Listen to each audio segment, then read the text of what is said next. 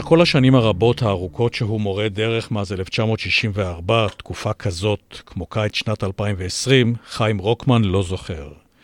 ישראל מצויה עמוק בתוך מגפת הקורונה. השמיים סגורים, אין תיירים, חיים מושבת לחלוטין מעיסוקו כמורה דרך. אבל לא אדם כמוהו יהפוך לקאוץ' פוטטו, ירים ידיים וישקע ברחמים עצמיים. באמת, הוא מתחיל את היום, הוא קם בארבע ורבע, עוזב את הבית ברבע לחמש, רוכב באופניים לנווה אילן, שוחה או מתאמן בחדר כושר, ואז חוזר, אוכל ארוחת בוקר, ואז יורד למכתבים. הוא מתקלח במרפסת, בצינור. עוד קודם שניכנס לנושא המכתבים שהליכוד השקדני שלהם, המיון הדקדקני והתרגום תופסים חלק מהותי בחייו של חיים, ובעקבות זאת פנו אליו גם חוקרים באקדמיה, לפני כל זאת צריך להרחיב על הרכיבה חזרה הביתה מנווה אילן למבשרת ציון, שהיא כולה בתמצית חיים. כשאני חוזר מ... מהמכון כושר באופניים, אז הקטע האחרון פה בעלייה, מלחמת למעלה. אה, אבל כשאני נותן את הקטע הזה, אז ה... הוא קשה. זאת אומרת, הקטע, בטח מהמנהרה והלאה, או אפילו עוד לפני זה, היא קשה. כן? ואני כל פעם רוצה להפסיק, זה כל יום, כן? לרדת באופניים וללכת ברגל. אבל אם אני ארד באופניים, אני לא יכול לרדת בגלל הפציעה שלי. אז אני ממשיך. אתה, אתה רוכב דרך המנהרה או שאתה עולה למלחמת למעלה? אני רוכב דרך המנהרה, כן. אה, כן? פעמיים, שלוש כבר המשטרה עצבה אותי, ופעם אפילו אזקו אותי בגלל זה. כן? כן, כן. אה, וכל פעם אני דואג, כשאני רואה שוטר, אני מנסה משהו לעשות, אבל אין הרבה, הוא יראה אותי, יעצור אותי. למה הם עסקו אותך? מה הם רצו? עוצר אותי שוטר, אומר לי, טוב, אסור לנסוע פה. אז אני אומר, איפה יש תמרור? תראה לי תמרור. אתה זוכר? שאלתי אותך אם יש תמרור שאסור לנסוע פה. אז הוא אומר לי, אתה מפריע לשוטר במילוי תפקידו, ואזק אותי. איך זה נגמר? זה נגמר ש... אה, קודם כל הוא אזק אותי והכניס אותי לרכב. לפחות שעה הייתי אצלו ברכב. והוא מתקשר לזה, ומתקשר להוא, הוא מתקשר שלישי ורביעי. אבל עוד לפני זה, הוא אומר, טוב, אה, תראה לי תעודת זהות. אז הוא אומר, אין לי, כי אני בגדי ספורט. אז הוא אומר, טוב, אני צריך ללכת חיפוש. אז הוא מחפש באופניים והוא מוצא את הכלי עבודה שלי, שאני, זה ממש, לרכב אופניים זה חיוני עם כלי עבודה. אה, אתה רוצה לפרוץ לבתים? מתי זה היה? לא היית בן 15. לא, זה היה לפני שנה. כלומר, היית כבר בן 74. כן, כן. לא יאומן. ואכן חיים רוקמן נע בתוך משולש שווה צלעות. מורה דרך כאורח חיים, ממיין ומתעד בלתי נלאה של תולדות המשפחה, ורוכב אופניים אדוק בלי פשרות. חיים נולד ב-13 באוגוסט 1945 במנצ'סטר. אביו, אדולף רוחמן, הגיע לשם מלייפציג ב-1939, כחצי שנה לפני פרוץ מלחמת העולם השנייה. להסתובב עם שם כזה באותם שנים באנגליה זה לא בדיוק מתאים, והוא מחליף לפיטר רוקמן. גם אמו הדסה היא ילידת מנצ'סטר. הוריה שהגיעו מרומניה התיישבו בתחילה בפריז, אבל לא מצאו שם בית כנסת של רומנים ולכן עברו למנצ'סטר אחרי שהתברר להם שבמנצ'סטר יש. בבית הכנסת הזה מקווה פיטר למצוא קצה חוט לאחותו ברטה, ששנים קודם לכן עברה בעקבות נישואיה מלייפציג לבסרביה, אז רומניה, לעיר צ'טאטה אלבה. לאחר שקשר המכתבים הרצוף איתה ניתק ממש עם תחילת מלחמת העולם השנייה. אגב, היא כותבת אותם במכונת כתיבה שהסובייטים מחרימים אחרי שהשתלטו על האזור בנימוק שמדובר במכשיר קפיטליסטי. היא כל הזמן מתכתבת עם אבא שלי שינסה אולי יסדר לה ויזה לאנגליה, אה, אולי אה, אה, ימצא לה עבודה באנגליה. זהו, המכתב האחרון מגיע ביום המלחמה, זאת אומרת בראשון בספטמבר 39. ואז היא נעלמה. ואז אבא שלי מתחיל לחפש אותה. יש לך את המכתב הזה? יש לי את המכתב הזה, כן. יש לי גם את המכתב הזה, גם מכתבים אחרים שהיא שלחה. פיטר, כזכור, מגיע לבית הכנסת של יוצאי רומניה, בתקווה שיצליח למצוא מידע כלשהו על אחותו. אז הוא אמר, אה, אני אלך לשם ונשאר. כל רומני מכיר רומני אחר. אז הוא באמת הולך לבית כנסת, ומי הוא פוגש? את סבא שלי, אבא של אמא שלי. והוא מספר לו מה שהוא מספר לו, אז הוא אומר לו, תראה, אנחנו בכלל באנו מאזור אחר ברומניה, לא יודע, אבל מצד שני יש לי בת שמאוד תעניין אותך. וזה הייתה הפגישה שלהם עם, עם אבא שלי, והם uh, התחתנו, היא השתחררה מהצבא, התחתנו ועזבו את, uh, את אנגליה ב-1949, מתוך מטרה לבוא לפה.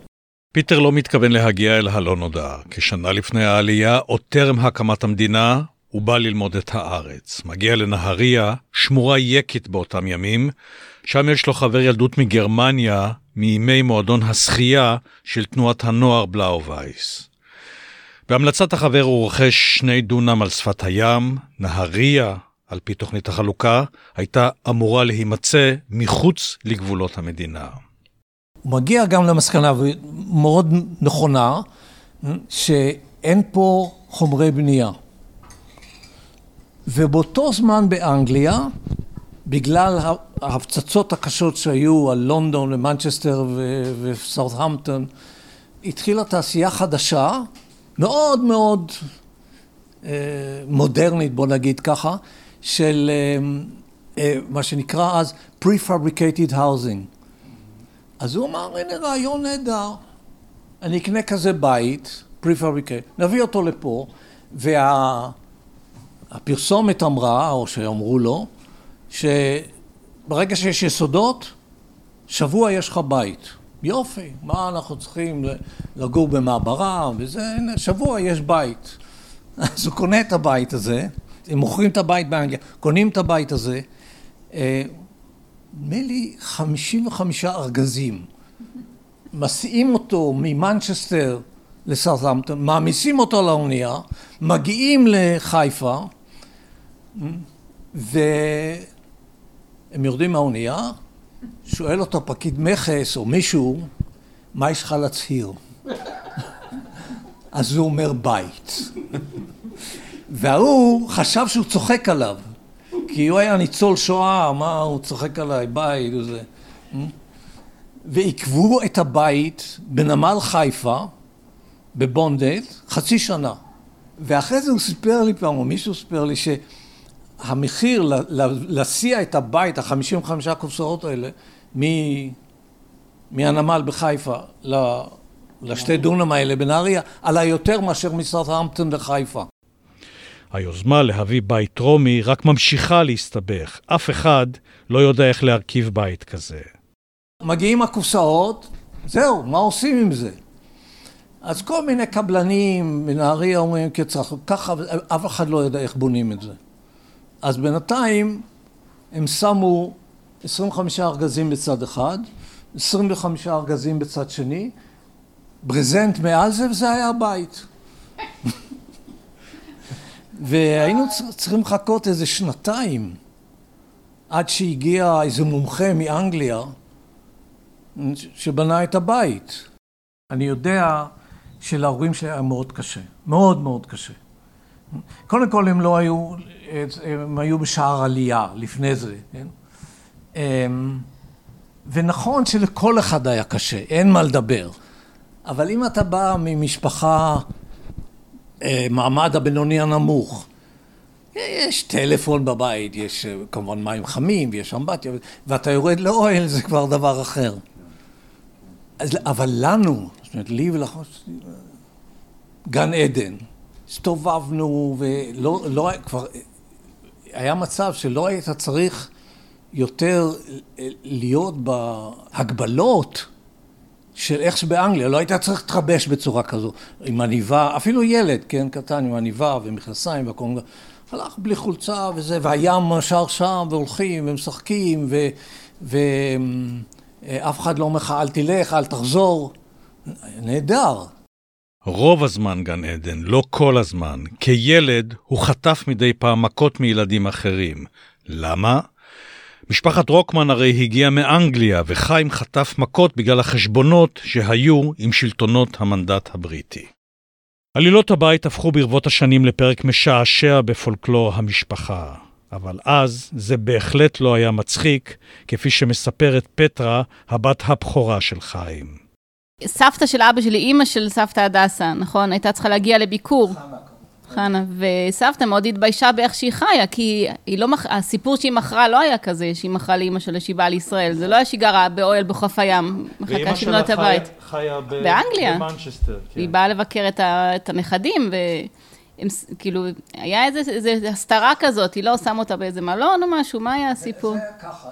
51, 52, אה, ההורים פה, כן, ולאבא שלי אין הורים, אז, ויש התכתבות בין אימא שלי ואימא שלה.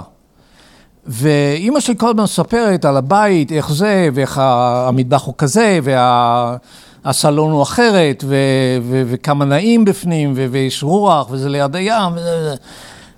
ואימא שלה כל הזמן כותבת, טוב, אני רוצה לבוא לראות. אז אומר לו, אל תבואי, רגע, יש, עוד לא, עוד לא הכנו את החדר שלך. כן? יום אחד יש טלפון, לא, טלפון לא היה בכלל בנהריה, אבל היה סוויצ'בורד כזה, כן? זה היה ליד הדואר. מרכזייה. מרכזייה, ומישהו שקיבל טלפון, היו שולחים שליח, תבוא, זה, תבוא למרכזייה, בעוד חצי שעה הוא יתקשר איתך. עכשיו מגיע כזה טלפון אלינו הביתה, לאימא שלי, והיא הולכת למרכזייה הזאת. מי בטלפון? אימא שלה. איפה היא? בשדה התעופה. בלוד. בלוד, כן. וטוב, מה עושים? לא, בכלל לא בלי הכנות וזה.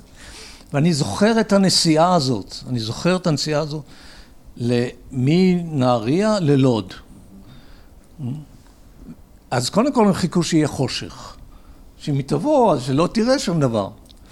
והיא באמת מגיעה, ו...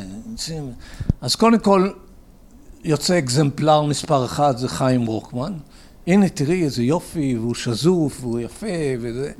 אחר כך יוצא אקזמפלר מספר שתיים, זה אחות שלי, תראי איזה יופי, וזה וזה וזה. מה עם הבית?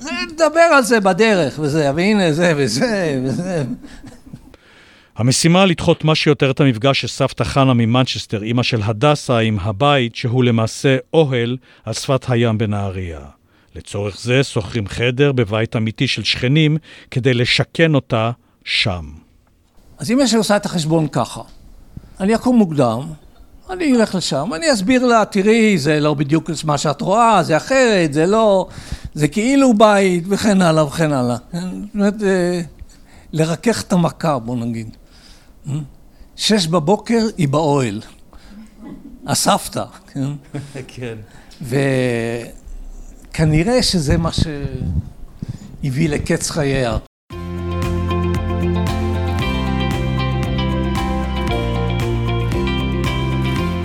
ב-1964, על סף השחרור מהשירות הצבאי בחיל הים, מתחיל למעשה הפרק שיהפוך למרכז חייו של חיים.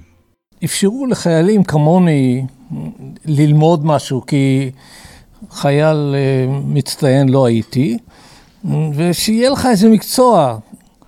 אז חשבתי, טוב, אני אלך ללמוד מורה דרך. למה? כי אבא שלי היה. לא, בכלל לא חשבתי לעבוד בזה. בכלל חשבתי לעבוד בים. אבל מפני שהלכתי לקורס הזה, נתנו לי כל מיני הנחות בצבא, כן? אתה לא צריך לעשות ככה, לא צריך לעשות שמירה כזאת, ולא צריך לעשות תורנות כזאת. בסדר, אז הרווחתי משני הצדדים. גם לא עשיתי מה שלא הייתי, מה שהייתי אחרת כן צריך לעשות, וגם למדתי משהו. לא הייתי בקורס מהמצטיינים, אני מוכרח להגיד, אבל למדתי משהו. וגם כשנגמר הקורס לא חשבתי, גמרתי את הקורס, עשיתי את הבחינות וגמרתי איכשהו, לא חשבתי לעבוד בזה. אבל יוסי, שעבד כבר בזה, יום אחד התקשר איתי והוא אומר לי, תשמע, שאני עובד, זה בטיולי הגליל בטבריה, מחפשים אה, מורה דרך. אז אולי תבוא, תנסה איך זה. אז אמרתי, בסדר, אני אבוא, נראה. וזהו, מאז נשארתי בזה. יוסי הוא יוסי קלמנוביץ', חבר מהקורס מורי דרך, חבר שהפך לחבר נפש, שהפך גם לשותף עסקי. אני מאמין גדול בהשגחה. בקורס מורי דרך יוצאים כל פעם באוטובוס, אז בסיור הראשון עלינו לאוטובוס, זאת ספטמבר 64, אני עולה על אוטובוס שלושת רבע ריק. באיזה פינה יושב איזה מין טיפוס עם כובע מצ'וקמק של, של, של הומלס, כן. לא יודע למה ואיך, מכל החצי האוטו היה פנוי, התיישבתי לידו. ובהתחלה אני הייתי שואל אותו שאלות והוא ענה לי, חשבתי, כולם פה כאלה מטומטמים, הוא רק כך, ולאט לאט התחברנו. ואני אומר, זה לא מקרה. אני מהמאמינים, זה, זה היה מכוון. מה שהוא דאג שאני אשב לידו. מתחת לכובע המצ'וקמק הזה ישב בחור, לדעתי יפה תואר, לא, אין לי שום אה, אה, נטיות כאלה, גבוה, עיניים כחולות, בלונדיני, וכל התכונות האלה לא היו לי. לא, לא היו לי. ומצאתי בו בכל אופן איש מיוחד. ולא שיניתי את דעתי עד היום. ברור שבשנים הראשונות, אה, מה ששיחק תפקיד חשוב היה אידיאולוגי, כן? אתה רצית להעביר ללקוחות, לקליינטים, לתיירים, גם את אהבת הארץ, אבל גם לראות, תראו, פה יש, פה יש שדות כאלה, ושם בונים ככה, ופה מפותח בצורה כזאת, ולהראות אמ, את, בפירוש את הצד היפה, כן? כן. זה כמובן השתנה עם השנים, כן? אה, שזה כבר בטח לא ככה. ו... אתה, בכל אופן, בשנים האחרונות שעבדתי, ואני כבר לא עבדתי איזה שנה, אני חושב, כבר אין גאווה, אין. אין מה להתגאות. לא בנתניהו, לא בממשלה ולא במה שהיא עושה. אני לא רוצה להיכנס לוויכוחים פוליטיים, אנחנו משני קצוות שונים, וזה לא משנה ולא מסכימים. אבל, אבל אני כל יום מתמלא מחדש בגאווה נוספת. יוסי, כן. איך משמרים חברות של יותר מחמישים שנה כשאתם בעצם מקוטבים מבחינה קודם פוליטית? קודם כל, הכיתוב זה רק לאחרונה. הכיתוב הוא רק לאחרונה וזה לא מפריע לי. בכלל לא. אני חושב שגם לחיים לא מפריע.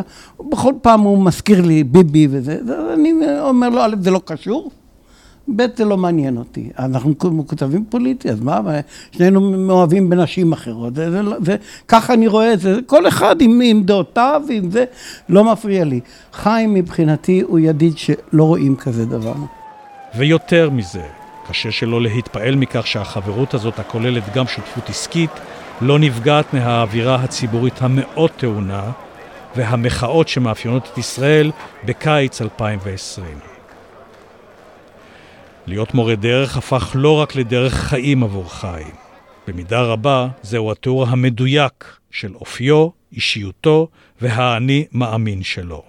אם אין לך אידיאולוגיה ואין לך אה, רצון או אהבת אדם, כן, באשר הוא, אז זה קשה להיות מורה דרך. זאת אומרת, זה, אה, להיכנס, לדבר לאנשים ואין לך קשר איתם, ואין לך מה להעביר להם מעל שבשנה זו וזו בנו את הבניין הזה והזה, אין טעם. אז, אז זה היה חשוב מאוד, קצת האידיאולוגי. אולי, אולי אני משתמש במושג להעביר מסר כן? אה, לאנשים. איזה תקופה או איזה אזור בארץ הכי דיברו אליך והכי נהנית להדריך עליהם? אמ, אני הייתי אומר שעבדתי בסיני, זה היה, זה היה התקופה שמאוד נהניתי ממנה. למה? אמ, כי אנשים, קודם כל האזור וצורת הטיולים שם, מסעות גמלים, הזכיר לי מאוד את תקופת התנ"ך, וכל הזמן יכלתי להשוות, או אני יכול להשוות, בין מה שכתוב בתנ"ך למה שאני רואה במציאות, כמו דבר אה, טריוויאלי, אבל דבר שאתה עובר על זה, אה, שמשה הוציא מים מהסלע. זה אתה רואה שם, כן? אתה רואה את זה. אתה לא, לא צריך לקרוא את זה בתנ"ך. אה, ועוד דברים מהסוג הזה. וכמובן, אנשים ש... שעושים טיולים מהסוג הזה, הם גם אחרים. הם, הם לא, טוב, בוא אה, אה, נתחיל בחמש ו... ונגמור בארבע ונעשה תיק שביקרנו וזהו. כן. כן? אה, ואחר כך כשנחזור הביתה נספר, כן, היינו שמה והיינו שמה והיינו שמה. אנשים שבאמת אוהבים טבע, אוהבים הליכה, אוהבים... ישראלים או זרים? מה? זה היה בעיקר צרפתים, מעט, אני יודע, רבע מזה היו גרמנים, והתקופה האחרונה ביותר הייתה אנשים מאנגליה. והעובדה שאתה דובר את השפות האלה, זה נתן לך יתרון כמובן. זה נתן לי יתרון, אבל אה, כמו שאני תמיד אומר, אני לא חושב שאיזושהי שפה אני מדבר טוב. אה, צרפתית למדתי, הייתי בצרפת, אז למדתי קצת, אבל שיפרתי הרבה בצורה בלתי, אה, בלי בכלל להשוות, כשעבדתי עם הצרפתים. הם לא מדברים שום שפה אחרת, אתה חייב לדבר איתם, אתה חייב לשמוע אותם. והאמת היא ש, שגם יש לי באיזשהו מקור, אני לא יודע, שגם אוזן. אני מבין מאמיר שיצא לך להדריך קבוצה של נוער ניאו-נאצי? אמ, אני לא זוכר מי, זה איזה סוכן נסיעות, לא זוכר מי זה היה, יכול להיות שזה היה אפילו משרד החוץ. אמ, אבל במקרה שאני דובר גרמנית, אז גייסו אותי לנושא הזה. זה באמת היה נוער אה, ניאו-נאצי. אה, אני חושב שהייתי איתם שבוע. אני זוכר איזה מלון הם היו, שם בתלפיות. מה שאני זוכר זה שמהיום הראשון לשני, לשלישי, הם, לאט לאט איבדו את האידיאולוגיה הנאצית שלהם. מה, ואתם עושים ככה, ועושים ככה, ואיך זה יכול להיות שזה ככה, זה יתפתח בצורה כזאת. אה, אה, אני שמח שהייתי איתם, כן? וזה היה ממש במקרה, כן? פשוט גייסו אותי, כן, אני דבר... אתה ידעת מי הקבוצה? תדרכו אותך לפני כן? אה, לא תדרכו אותי, אבל אמרו לי. לא אמרו לי, תראה, הם כאלה ותדבר איתם ככה. אמרו, תדע לך שזה נוער ניאו-נאצי. כן. מתי זה היה? באיזה שנה? בפחות? זה היה לפני... בטח 12 שנה או משהו. כלומר, זה היה איפשהו בתחילת המילניום, בסוף נכון, שנות כן, אלפיים. כן, כן, כן. למה הם באו? מה, זה היה במסגרת? אז זהו, אז אני חושב שזה היה במסגרת משרד החוץ, או אחד השלוחות של משרד החוץ. אני חושב שעוד פעם אחת עבדתי איתם, זה היה עם מוסלמים שבאו מבלגיה. חיים דובר חמש שפות, אנגלית שפת אם, גרמנית שלמד בנהריה היקית עוד לפני שידע עברית, עברית כמובן, צרפתית, כפי שכבר סיפר, וערבית. זה לא רק כישרון לשפות, זה גם המון עקשנות אופיינית. הסבר לאותה עקשנות, לאופי הנחוש, טמון כנראה באותם קשיים שהיו לו בילדות, כפי שמספרת צלילה, אחותו הגדולה ממנו בשנה. חיים ואני נולדנו בהפרש של 14 חודש זה מזו. הפרש גילים זה היה בהורינו. כמעט תאומים, אבל לא. אני כבכורה עשיתי כמובן הכל לפניו, הליכה, דיבור ויכולת מניפולטיבית מרשימה. כך שבכל דבר הוא תמיד יצא נפסד או אשם. רבנו נורא. היינו אפילו סופרים כמה ענבים כל אחד מאיתנו קיבל כדי לא לצאת מקופחים. אני זוכרת שבאחד הפעמים, כדי לנצח אותו בוויכוח, הסברתי לו כמה תפוזים הספקתי לאכול בטרם נולד. לזה לא הייתה לו תשובה. אמא סיפרה לי פעם שכשהיה תינוק, בעגלה, אנשים היו עוצרים אותה ברחוב כדי להיפעל מיופיו. אני ניצחתי בכך שהייתי תלמידה טובה ממנו. בדיעבד ברור שזו לא הייתה חוכמה גדולה, שהרי אז עוד לא המציאו את המילה דיסלקציה. ואף אחד לא הבין למה חיים התקשה כל כך ללמוד לקרוא. לעומת אחותו הגאונה במרכאות כפולות, יעני, שהייתה תולעת ספרים. יש לי זיכרון בו אני מנסה ללמד אותו לקרוא. זה היה איזשהו שיר בנאלי שנכתב בו המשפט שבעצם ידינו ניטע ונשתול. חיים איבד כנראה את הסבלנות וקרא בעצם ידינו בתוך בית שיבוש. שנינו פרצנו בצחוק מתגלגל ובזה הסתיים השיעור. חיים גם סבל מחוסר קואורדינציה רצינית ומשם ראה, רצה שילמד אותו כמה תרגילי בלט. האמת, פיל בחנות חרסינה, לעומתו, היה בלרינה. אני גם זוכרת ניסיון ללמד אותו לשחק חמש אבנים. כשהאבנים עפות בכל החדר, רק לא חוזרות לידיים שלו. כנראה התעללתי בו די הרבה, ועל כך היום אני מצטערת. אבל כלפי חוץ, כשחשבתי שמישהו עושה לו עוול, נלחמתי כמו אריה, כדי להגן עליו. בעצם זה שהוא הצליח לעשות uh, תואר ראשון ותואר שני וללמוד חמש שפות, יש לו uh, persistence, כאילו עיקשות, שהוא מחליט לעשות משהו, הוא לא מוותר. וזה בא לידי ביטוי בלימודים. אז הוא היה יושב ולא קם עד שהוא לא מסיים את זה. או בנסיעות אופניים, שאנשים היו כאילו שופכים לאגר והוא עוד היה ממשיך כי הוא, הוא בתוך זה והוא לא מפסיק. או בתרגומים האלה שהוא עושה. פשוט לא, לא לוותר, לא להפסיק, לא... לא להקשיב לגוף או, ל, או לרצונות הזה, כי זה משהו שצריך לעשות וצריך לגמור אותו.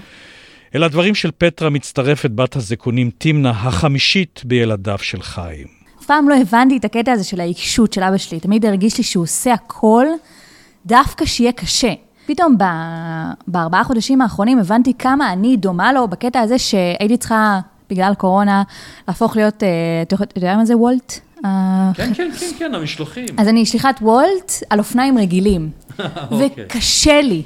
אבל אני כל כך אוהבת שקשה לי, ופתאום אני מבינה אותו, פתאום אני מבינה את, ה, את ההלך רוח הזה, של אני יכולה לעבור, אני יכולה לקנות אופניים חשמליים ולרכב, ויהיה הרבה יותר קל, אני גם אעשה הרבה יותר כסף. אבל העניין הזה של להתגבר על הקושי, ויש בזה משהו... אה, מחיה, מעורר. אז זה משהו שכאילו בחודשים האחרונים פתאום אני מרגישה חיבור מחודש עם, אה, עם אבא שלי. העקשנות הזאת, הסירוב לוותר, להרים ידיים, באים עם יצר ההרפתקנות. ב-1971 הוא מתכנן עם רעייתו דאז, הדר הפר, לעשות במכונית פולקסווגן את כל הדרך מאנגליה להודו. מתארגנים ומתחילים לנסוע מזרחה. הימים ימי המלחמה הקרה בין המערב לבין הגוש המזרחי הסובייטי. הכל מסובך. הם מצליחים להגיע עד ורשה וזהו. משם לא נותנים להם להמשיך. אם כך, מחליטים במקום לנסוע לאפריקה, לחצות את היבשת מצפון לדרום. עושים U-turn ומגיעים לספרד, למדריד. מגיעים למדריד, ומסתבר שאנחנו לא יודעים שום דבר על אפריקה. לא שידענו הרבה על הדרך ההיא, אבל על זה עוד ידענו עוד פחות. אין מפות, אין ציוד, אין שום דבר. למזלנו, אנחנו מכנים את הרכב ליד מישהו שבדיוק חזר. שתי בחורים בדיוק חזרו. אז הם אומרים לנו, צריך לעשות ככה, וצריך לעשות ככה, וצריך ויזות, וצריך זה, וצריך זה, וצריך זה. אה, והוא, והוא שאל אותי, הוא שואל אותי, הוא שואל אותנו אולי, כמה, כמה טיירים יש לכם? או כמה צמיגים, או כמה גללים? אמרתי, שלך, אני ספייר, מה... לפחות שש. כן? כמה מכלי דלק? יש מכל דלק של הרכב. זה עוד רכב קטן, עם מכל קטן. הוא אומר, לפחות רזרבה, כן, של 80 ליטר. זאת אומרת, זה 6-7 ג'ריקנים. אז מאיפה משיגים את זה? במדריד, ו... אז הוא אמר, טוב, הגלגלים ניתן לכם, מפות ניתן לכם, ג'ריקנים אין להם. במקרה, אנחנו חונים, אה, זה ליד איזה בניין משרדים, ומהחברת ומה, ניקיון שהייתה שם זורקים ג'ריקנים פלסטיק כאלה. אה, שבדיוק 20 ליטר. אז לקחנו אותם, זה, זה שימש אותנו כל הדרך. נכנסנו למרוקו, ואחר כך לאורך החוף, עד אלג'יר, מאלג'יר פנינו דרומה, ובערך 50, אני חושב 50 קילומטר מאלג'יר דרומה, מתחיל הסהרה. מחסום, אתה לא עובר. עומד שם שוטר, או, או חייל, אומר, אה, אה, לא, לא נוסעים, אתה לא יכול לנסוע בלי שיירה, אבל אין שיירה. אז טוב, תחכו פה. חיכינו איזה חמישה שיירים, באמת התאספה שיירה של אנשים מאנגליה, מגרמניה, מצרפת, אה, משוויץ, כן? ונסענו בשיירה, וטוב שככה. ואין אין, אין כביש, אין, זהו, משם והלאה דרך עפר. פאנצ'רים בלי סוף. לפחות ביום, שתיים ביום. גם בגלל החול, אבל גם הרבה סלעים. אתה נוסע, אתה נוסע על סלעים, אז יש אוויר, זה בסדר. אחר כך מגיע אה, קטע של חול, של אולי 30-40 קילומטר, אז אתה מוציא את האוויר מהגלגל, שתוכל לעבור. ואחר כך יש קטע של נמר, קילומטר של סלעים, אתה בעצם לא יודע, כן? אז אתה אומר, טוב, יאללה, נעבור את זה. כן? פאנצ'ר. כעבור כחצי שנה לא קלה בלשון המעטה בדרכים לא דרכים אחרי שחצו את הסהרה, חיים והדר, שהייתה בהיריון, וכל התקופה הזאת לא ראתה רופא כמובן, מגיעים דרך רודזיה, זימבבואה, לבית הוריה של הדר, בדרום אפריקה, שם נולדת פטרה.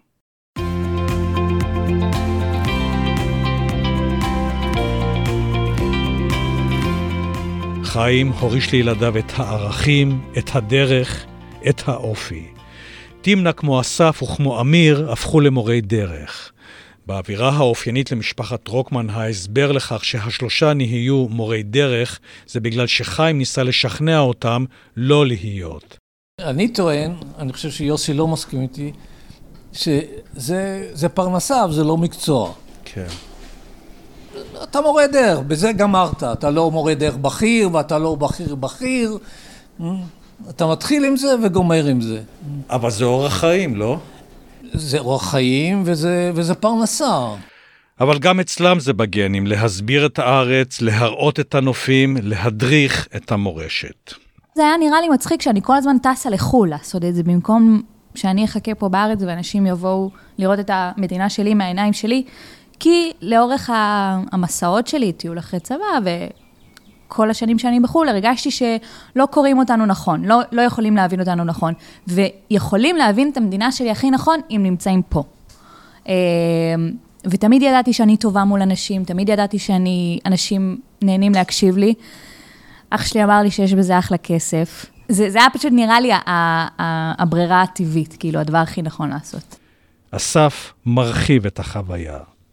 זה כן מאוד מאוד מרגש העבודה הזאת, יש בה הרבה רגש והרבה, יש בה אלמנטים מאוד קוסמיים ורוחניים כמעט.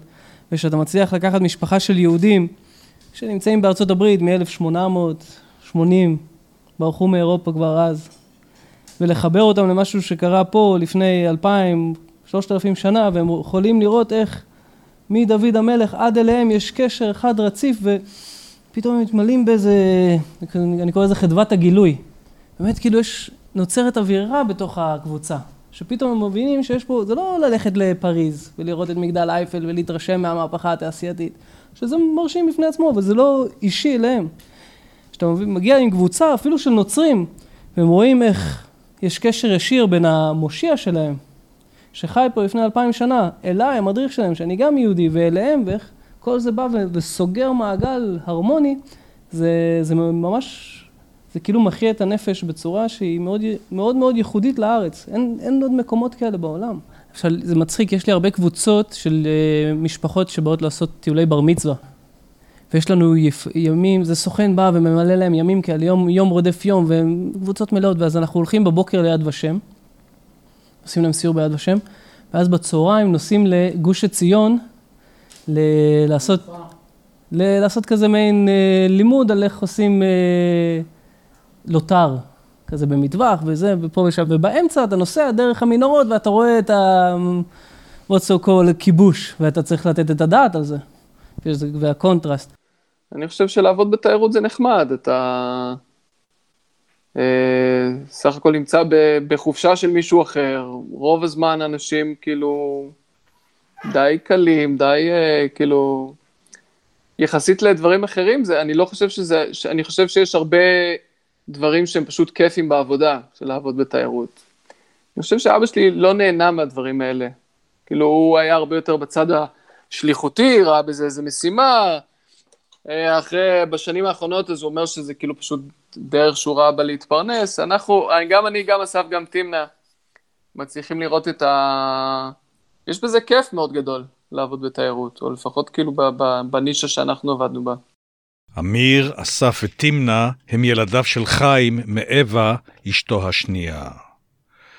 אווה עשתה עלייה מארצות הברית ביולי 1978, דוקטורנטית לביולוגיה באוניברסיטה העברית שנהגה לשחות בבריכה, ובאחד הפעמים, תוך כדי שחייה, ניגש אליה מישהו והציע לקחת אותה טרמפ לאן שתרצה.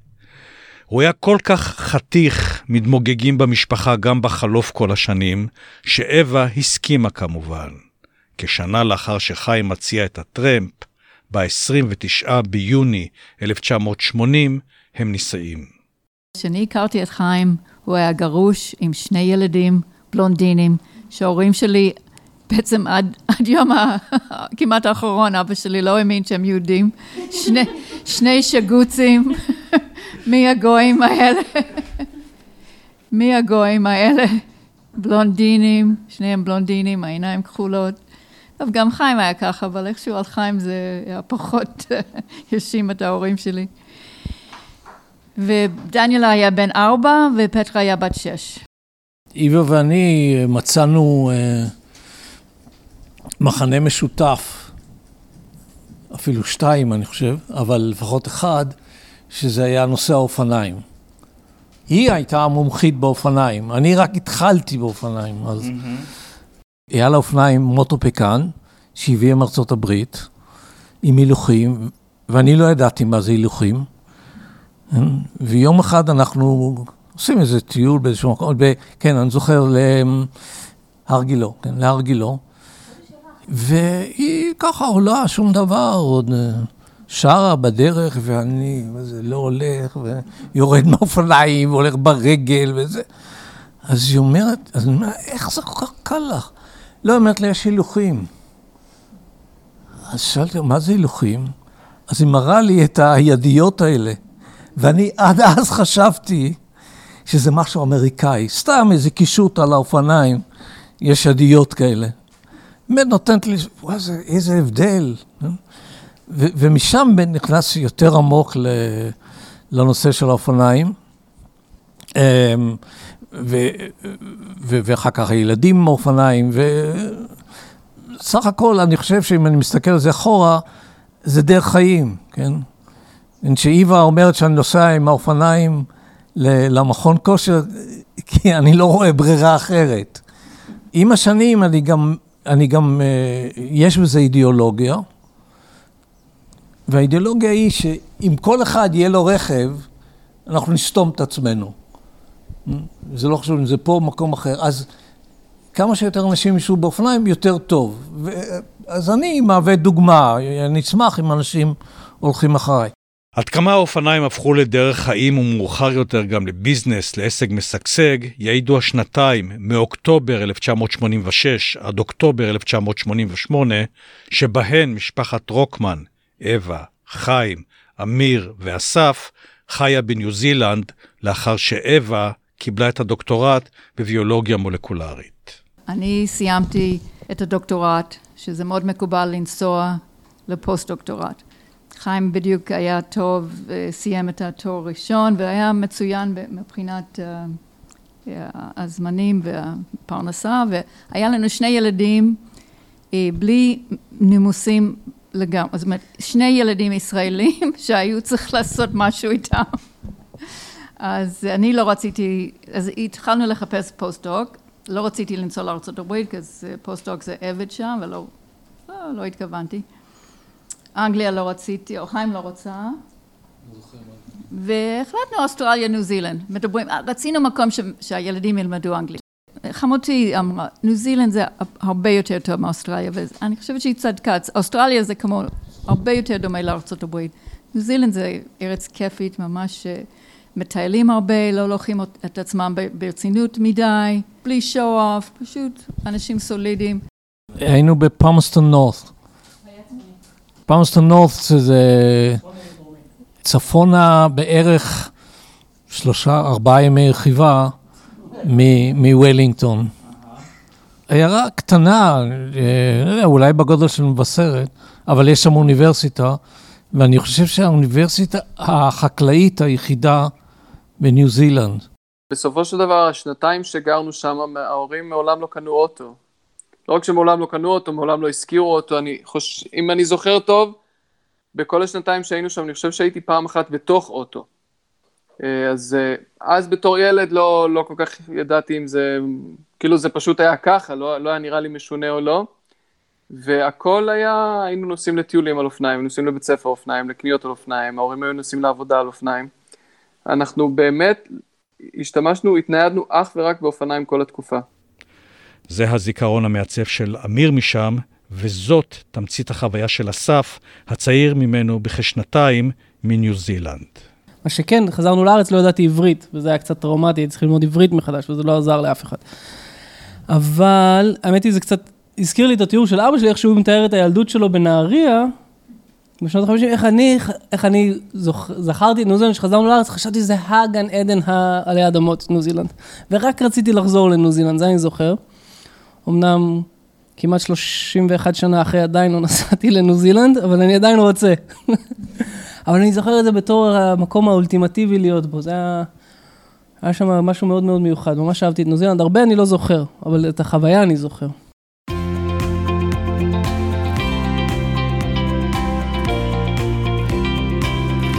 אחרי החזרה מניו זילנד, חיים משלב בין היותו רוכב אופניים מושבע לבין היותו מורה דרך.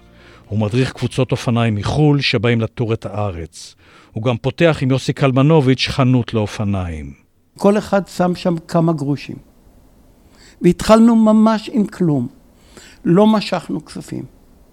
כל כסף שנכנס גדל וגדל וגדל, החנות התרחבה וקיבלה שם.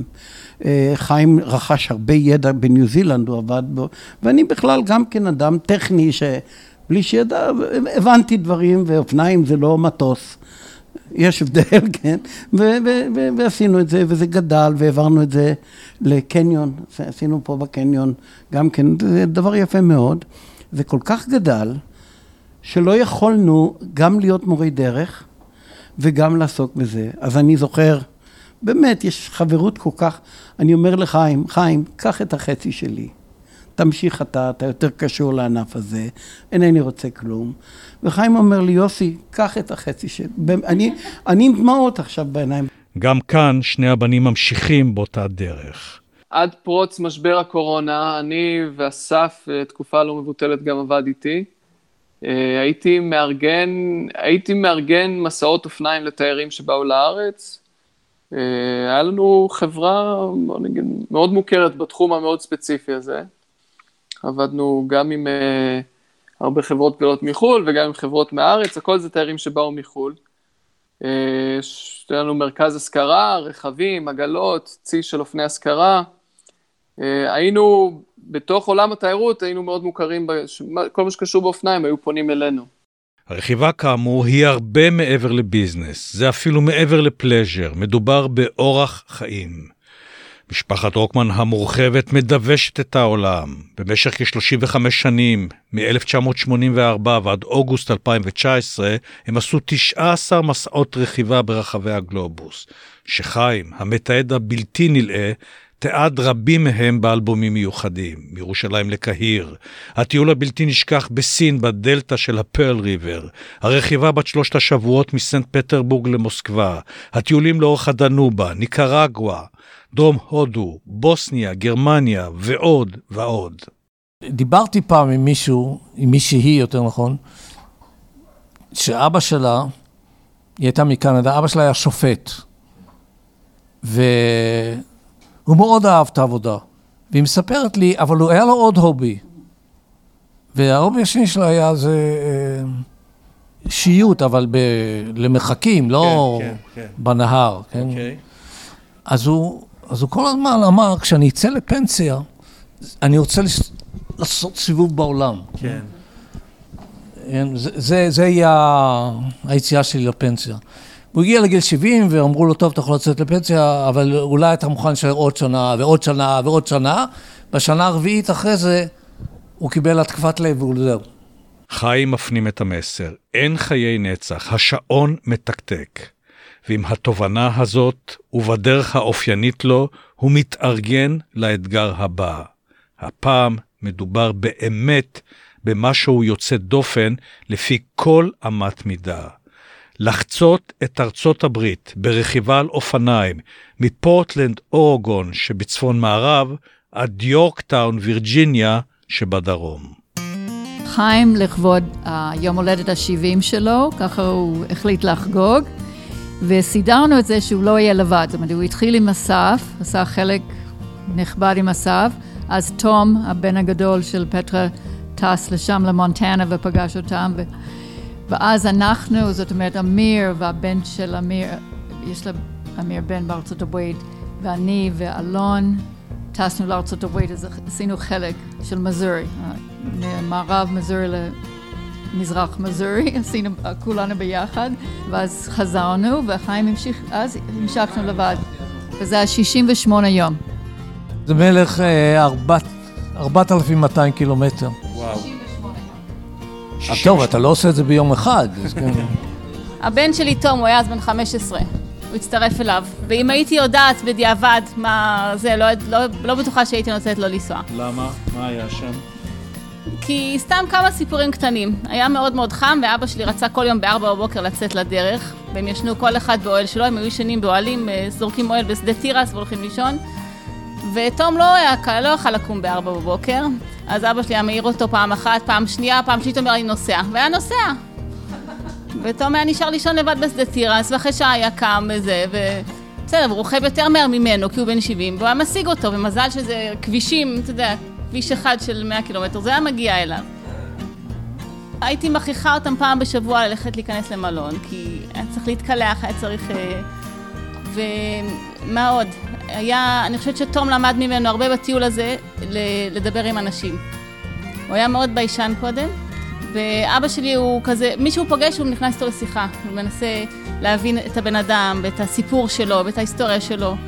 והם היו ככה נכנסים לישון אצל אנשים בבית שהם לא הכירו, ובהתחלה זה היה מאוד מביך תום, אבל הוא נהיה כזה גם היום. הוא פותח בשיחה עם אנשים. אמ, היה, לאבא שלי היה קו טלפון, היה טלפון לארץ, ולתום היה טלפון מקומי. אז הם לא יכלו לתקשר ביניהם. כן, אז אם נגיד, הוא, תום לא היה מוצא את אבא שלי, אז אבא שלי היה מתקשר אליי, ואני הייתי מתקשרת לתום, הוא מחכה לך עוד אה, 200 מטר בצומת ההיא וההיא וההיא. ורכשנו שם איזה אופניים, ו... ואז לקחנו Airbnb ללילה הראשון. הגענו מאוחר, בעת שמצאנו, קצת הסתבכנו, הגענו, הלכנו לישון. קמנו מוקדם, גם אני אוהב לקום מוקדם, אז קמנו מוקדם, היה עוד חושך, הייתי רעב, מת מרעב. דבר ראשון, איך שקמתי, אכלתי את השני גומי ברז האלה. ארזנו את כל הציוד, אתה יודע, כל הציוד על אופניים, יש לך תיקי צד כאלה, ומזרון, ושקי שינה, ואנחנו רוכבים החוצה מפורטלנד, ומקסים, כאילו, אני כולי מאושר, ואין אין מכוניות בכלל, אני... פשוט ב... ב-7 heaven, ואנחנו חוצים פתאום איזה כביש סואן, סואן, סואן, סואן, אנחנו על גשר, באמצע הגשר יש נתיב אופניים כזה, בריקדות בשני הצדדים. אתה זוכר את הכביש הזה? ומעל איזשהו נהר, ורוחות כאלה מעל הנהר, ואנחנו חוצים את ה-Columbia River לצד של וושינגטון. של וושינגטון State בעצם. ואז מתחילים לעלות את הקולומביה. בעצם באותו יום עלינו והתחלנו לעלות את הקולומביה, ואנחנו עולים כל הזמן לאורך הקולומביה. לפעמים היה קשה, לפעמים היה, היה פחות קשה. מה שכן אני זוכר, שזה היה הקיץ הכי חם ever recorded in the Pacific Northwest. ודווקא אז היינו צריכים לנסוע, כי לא יכולנו לנסוע בקיץ הכי קר, בקיץ הכי חם.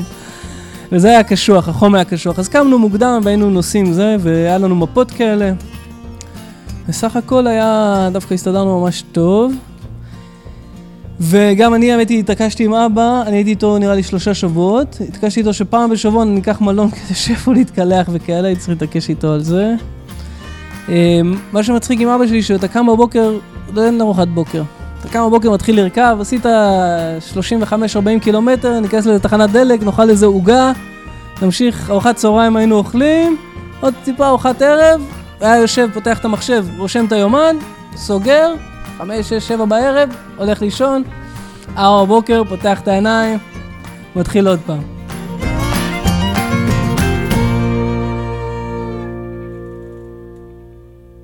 למפגש בביתם של אווה וחיים הגיעו פטרה, אסף ותמנה, ויוסי קלמנוביץ'.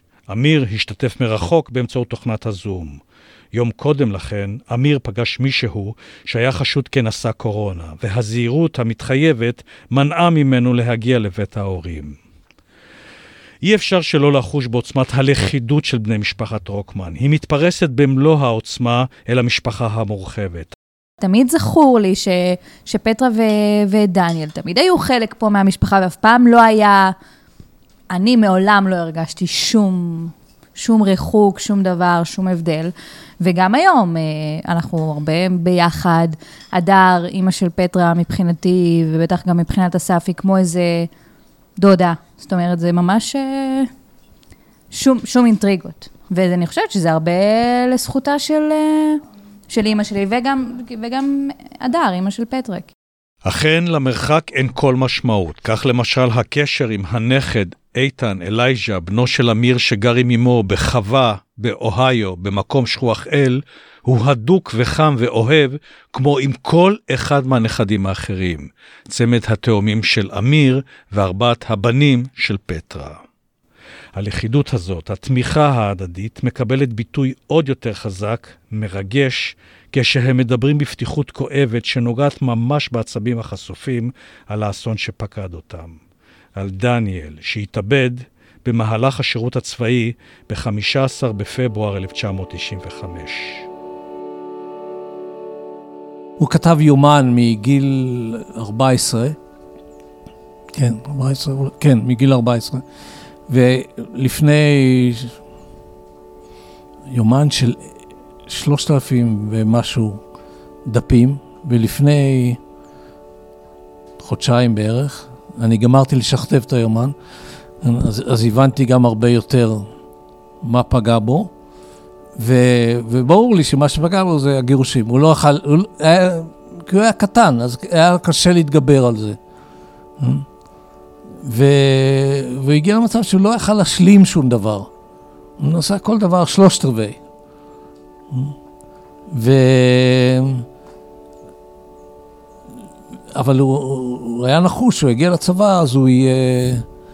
אמ, הוא, הוא, הוא, הוא ישלים, הוא יעשה, כן, הוא יהיה מפקד, הוא יעשה קורס קצינים וכן הלאה, וזה לא הסתדר לו. ואז הוא התאבד. חייתי איתו ממש כאילו יום-יום עשרים שנה. אה, טוב, קצת פחות, כי בשנתיים, בשנה האחרונה היה בצבא. אבל אה, כן, היה... כמובן שזה מטלטל את החיים, ויש, כמו שאבא שלי אמר, מאז ועד אז. אה, היה לו כנראה מאוד מאוד קשה בחיים. מבחינתו זאת הייתה הדרך הקלה החוצה. בשבילו זאת הייתה הקלה, לכולנו זה היה מכה מאוד קשה. אני חושב שההתאבדות של אחי הביאה למשפחה שלי עצב מאוד מאוד מאוד גדול. יש איזושהי נקודה שלא... שזה מרגיש שזה לא יתרפא אף פעם. ולי זה נתן את גבולות הגזרה שכשמדברים על אה, משהו עצוב וקשה בחיים, זה, זה, ה... זה מבחינתי הדוגמה ל... ל... לקושי ולעצב קיצוני. אמ, אני חושב גם שהצד השני של זה, זה שלמרות שלא כל כך עוסקים בסוגיה, אבל כולנו הבנו שהזמן שלנו יחד הוא אה, באיזשהו מקום אה, משאב מוגבל. וחובה לעשות את הכי טוב איתו. אחד לשני. במשהו מאוד uh, מהותי שלו, אה, שהוא עדיין לא נפטר במשפחה שלנו. זה, יש בזה איזשהו משהו שזה עדיין פצע פתוח אפילו, שזה עדיין לא הגיע לקלוז'ר. ולא בגלל איזשהו ניסיון להדחיק את זה, וכן ניסינו, אני חושב שהכלים להתמודד עם זה הם לא קיימים באמת. וזה משהו שכל אחד צריך גם לעשות ברמה האישית שלו, אבל uh, זה משהו שהוא עדיין, uh, שהוא עדיין כאילו דלקת שעדיין לא שמו עליה את האנטיביוטיקה כזה.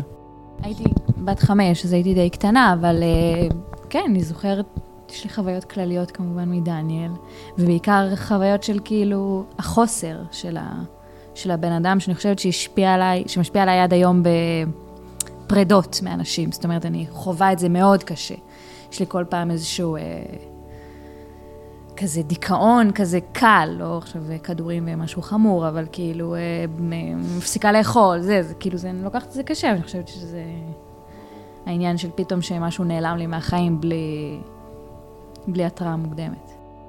אני חושב איך החיים היו, איך החיים היו לפני זה ואיך החיים אחרי זה, ועכשיו, בייחוד אחרי שגמרתי לשכתב את היומן, אני חושב על... Uh, אה, לדעתי, כמה הוא היה מצליח.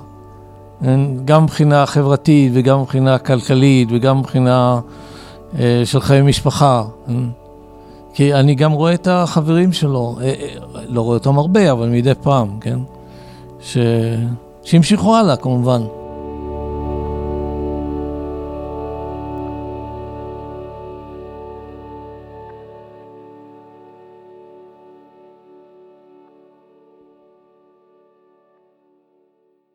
וירוס הקורונה שמשבש את החיים בקיץ 2020 והפציעה הקשה בגב שמקשה עליו מאז יולי 2016 בעקבות נפילה עם רולר בליידס, גלגיליות, כל זה לא מצליח להפר את השגרה הפעלתנית של חיים רוקמן.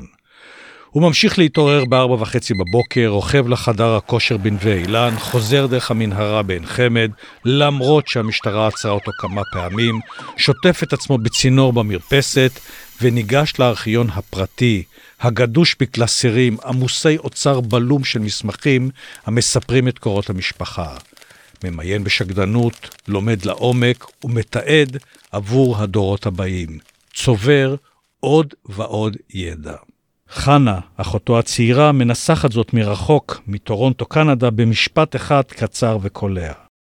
זה הבן אדם שאני תמיד פונה אליו כשאני צריכה איזשהו ידע היסטורי, אני ממש אה, לא נותנת הרבה משקל לגוגל, אלא יותר לחיים בעניינים האלו. אני עובר הרבה על ההתכתבויות אה, ש...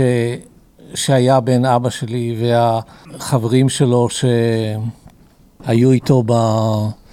במועדון ספורט, זה דבר אחד. דבר שני, אה, יש עוד קבוצ... חבילה גדולה של מכתבים, או יותר נכון התכתבויות, אה, ב-1958, זאת אומרת, די הרבה זמן אחרי זה, אה, שאבא שלי התחיל לדרוש או דרש פיצויים מגרמניה. אז אני עובר עכשיו על המכתבים, המכתבים וגם הקבוצה הראשונה וגם הקבוצה השנייה, הכל בגרמנית. כן, אז הכל אני צריך לתרגם, לא כך בשבילי, כן? אני מבין מה שכתוב שם, כן? אבל המסמכים האלה, גם הראשונים וגם השניים, נמצאים אצלי.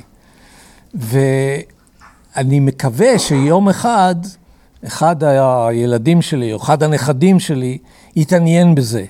ברור לי שהוא לא יתעניין בזה אם זה יהיה בגרמנית. הוא יסתכל אולי ו... וזהו, ואז יזרקו את זה. אבל אולי בגלל שזה, שתרגמתי את זה לאנגלית, מישהו, אחד מהם, אחד מהשבעה, אולי יגיד, וואו, זה מעניין, אני אסתכל על זה עוד פעם. חיים הוא מקור גדול של השראה לבני משפחתו, מודל לחיקוי. הם אסירי תודה לו על הדרך שסלל בעבורם ועל הערכים שהנחיל להם, מעלים על נס שוב ושוב את העיקשות, הנחישות והדבקות במשימה. ואל כל זה צריך להוסיף גם את הדברים המפעימים ששמע אסף על אבא שלו בפגישה לילית אקראית בנגב. במקרה פגשתי איזשהו אדם בדרך ש... שנכנסנו בשיחה ודיברנו איזה כמה דקות ואז הוא שאל אותי לשמי ושאל אמרתי לו אסף, הוא שואל אותי אסף מה, אני אומר לו אסף רוקמן, וככה נדלק לו איזשהו ניצוץ בעין והוא מרים את הראש ואומר לי, רוקמן? אתה קשור לרוקמן מנהריה? אני עושה לו, בוודאי, אבא שלי. חיים, הוא אומר לי? אני אומר לו, כן, חיים רוקמן. ואז הוא שם את היד לפנים ואומר, וואו, כמה שאנחנו אהבנו אותו, איזה ילד נהדר הוא היה. והוא במרחק של 70 שנה או 60 שנה עוד זוכר אותו בתור ילד גבוה, אנגלוסקסי בלונדיני, ועשה את הקישור הזה רק מתוך הזיכרון שלו של השם, שזה היה ממש אה, חוויה קטנה ומרגשת, אבל זה היה איזשהו מיקרו-קוסמוס של משהו שאני חווה ברמה היומיומית. וכמו במרוץ שליחים שבו המקל עובר מרץ לרץ, כך במשפחת רוקמן, הערכים והמורשת עוברים גם לדור הבא, לדור הנכדים.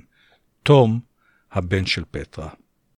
בשבילי סבא חיים תמיד היה מודל לחיקוי, שלמדתי ממנה הרבה. אם זה מהנחישות שלו, מכיתה ג' ביליתי איתו הרבה שעות וימים על האופניים, וספגתי את זה טוב מאוד. שכמובן השיא היה בחציית אמריקה באופניים, ששם מעבר לעקשנות, אני גיליתי אדם uh, מעניין ומתעניין, שאוהב לספוג את הרוח של האנשים בדרך שלו. אדם שיודע מה התשוקות שלו uh, והולך איתם וחי איתם וזה מה שהוא מקיים ביום יום שלו. אם זה ההיסטוריה של המשפחה, וכמובן שמעבר לכל אני רואה בו גם uh, איש משפחה מסור. אומרים שלהיות עשיר אין מספיק, זאת אומרת, תמיד אפשר עוד. כן? אז אני הגעתי למסקנה שהעוד לא צריך, יש מה שיש, זה בסדר. קצת פחות, קצת יותר, כן? אבל מצד שני, יש לי, יש לי ילדים מוצלחים באופן כללי, יש לי נכדים מוצלחים באופן כללי, יש לי חיי משפחה מוצלחים באופן כללי, אני מצליח לקום כל בוקר, כן? אמ, אני מצליח ל... ללמוד דברים שמעניינים אותי, ואני לא יודע, כי אני לא, אין לי את הקריטריון, אבל אני חושב שבאופן, אם היו שואלים אותי, כן, אני חושב שחיים מאושרים, כן. אה, תמיד אפשר שיהיה עוד, אבל גם בלי העוד זה בסדר.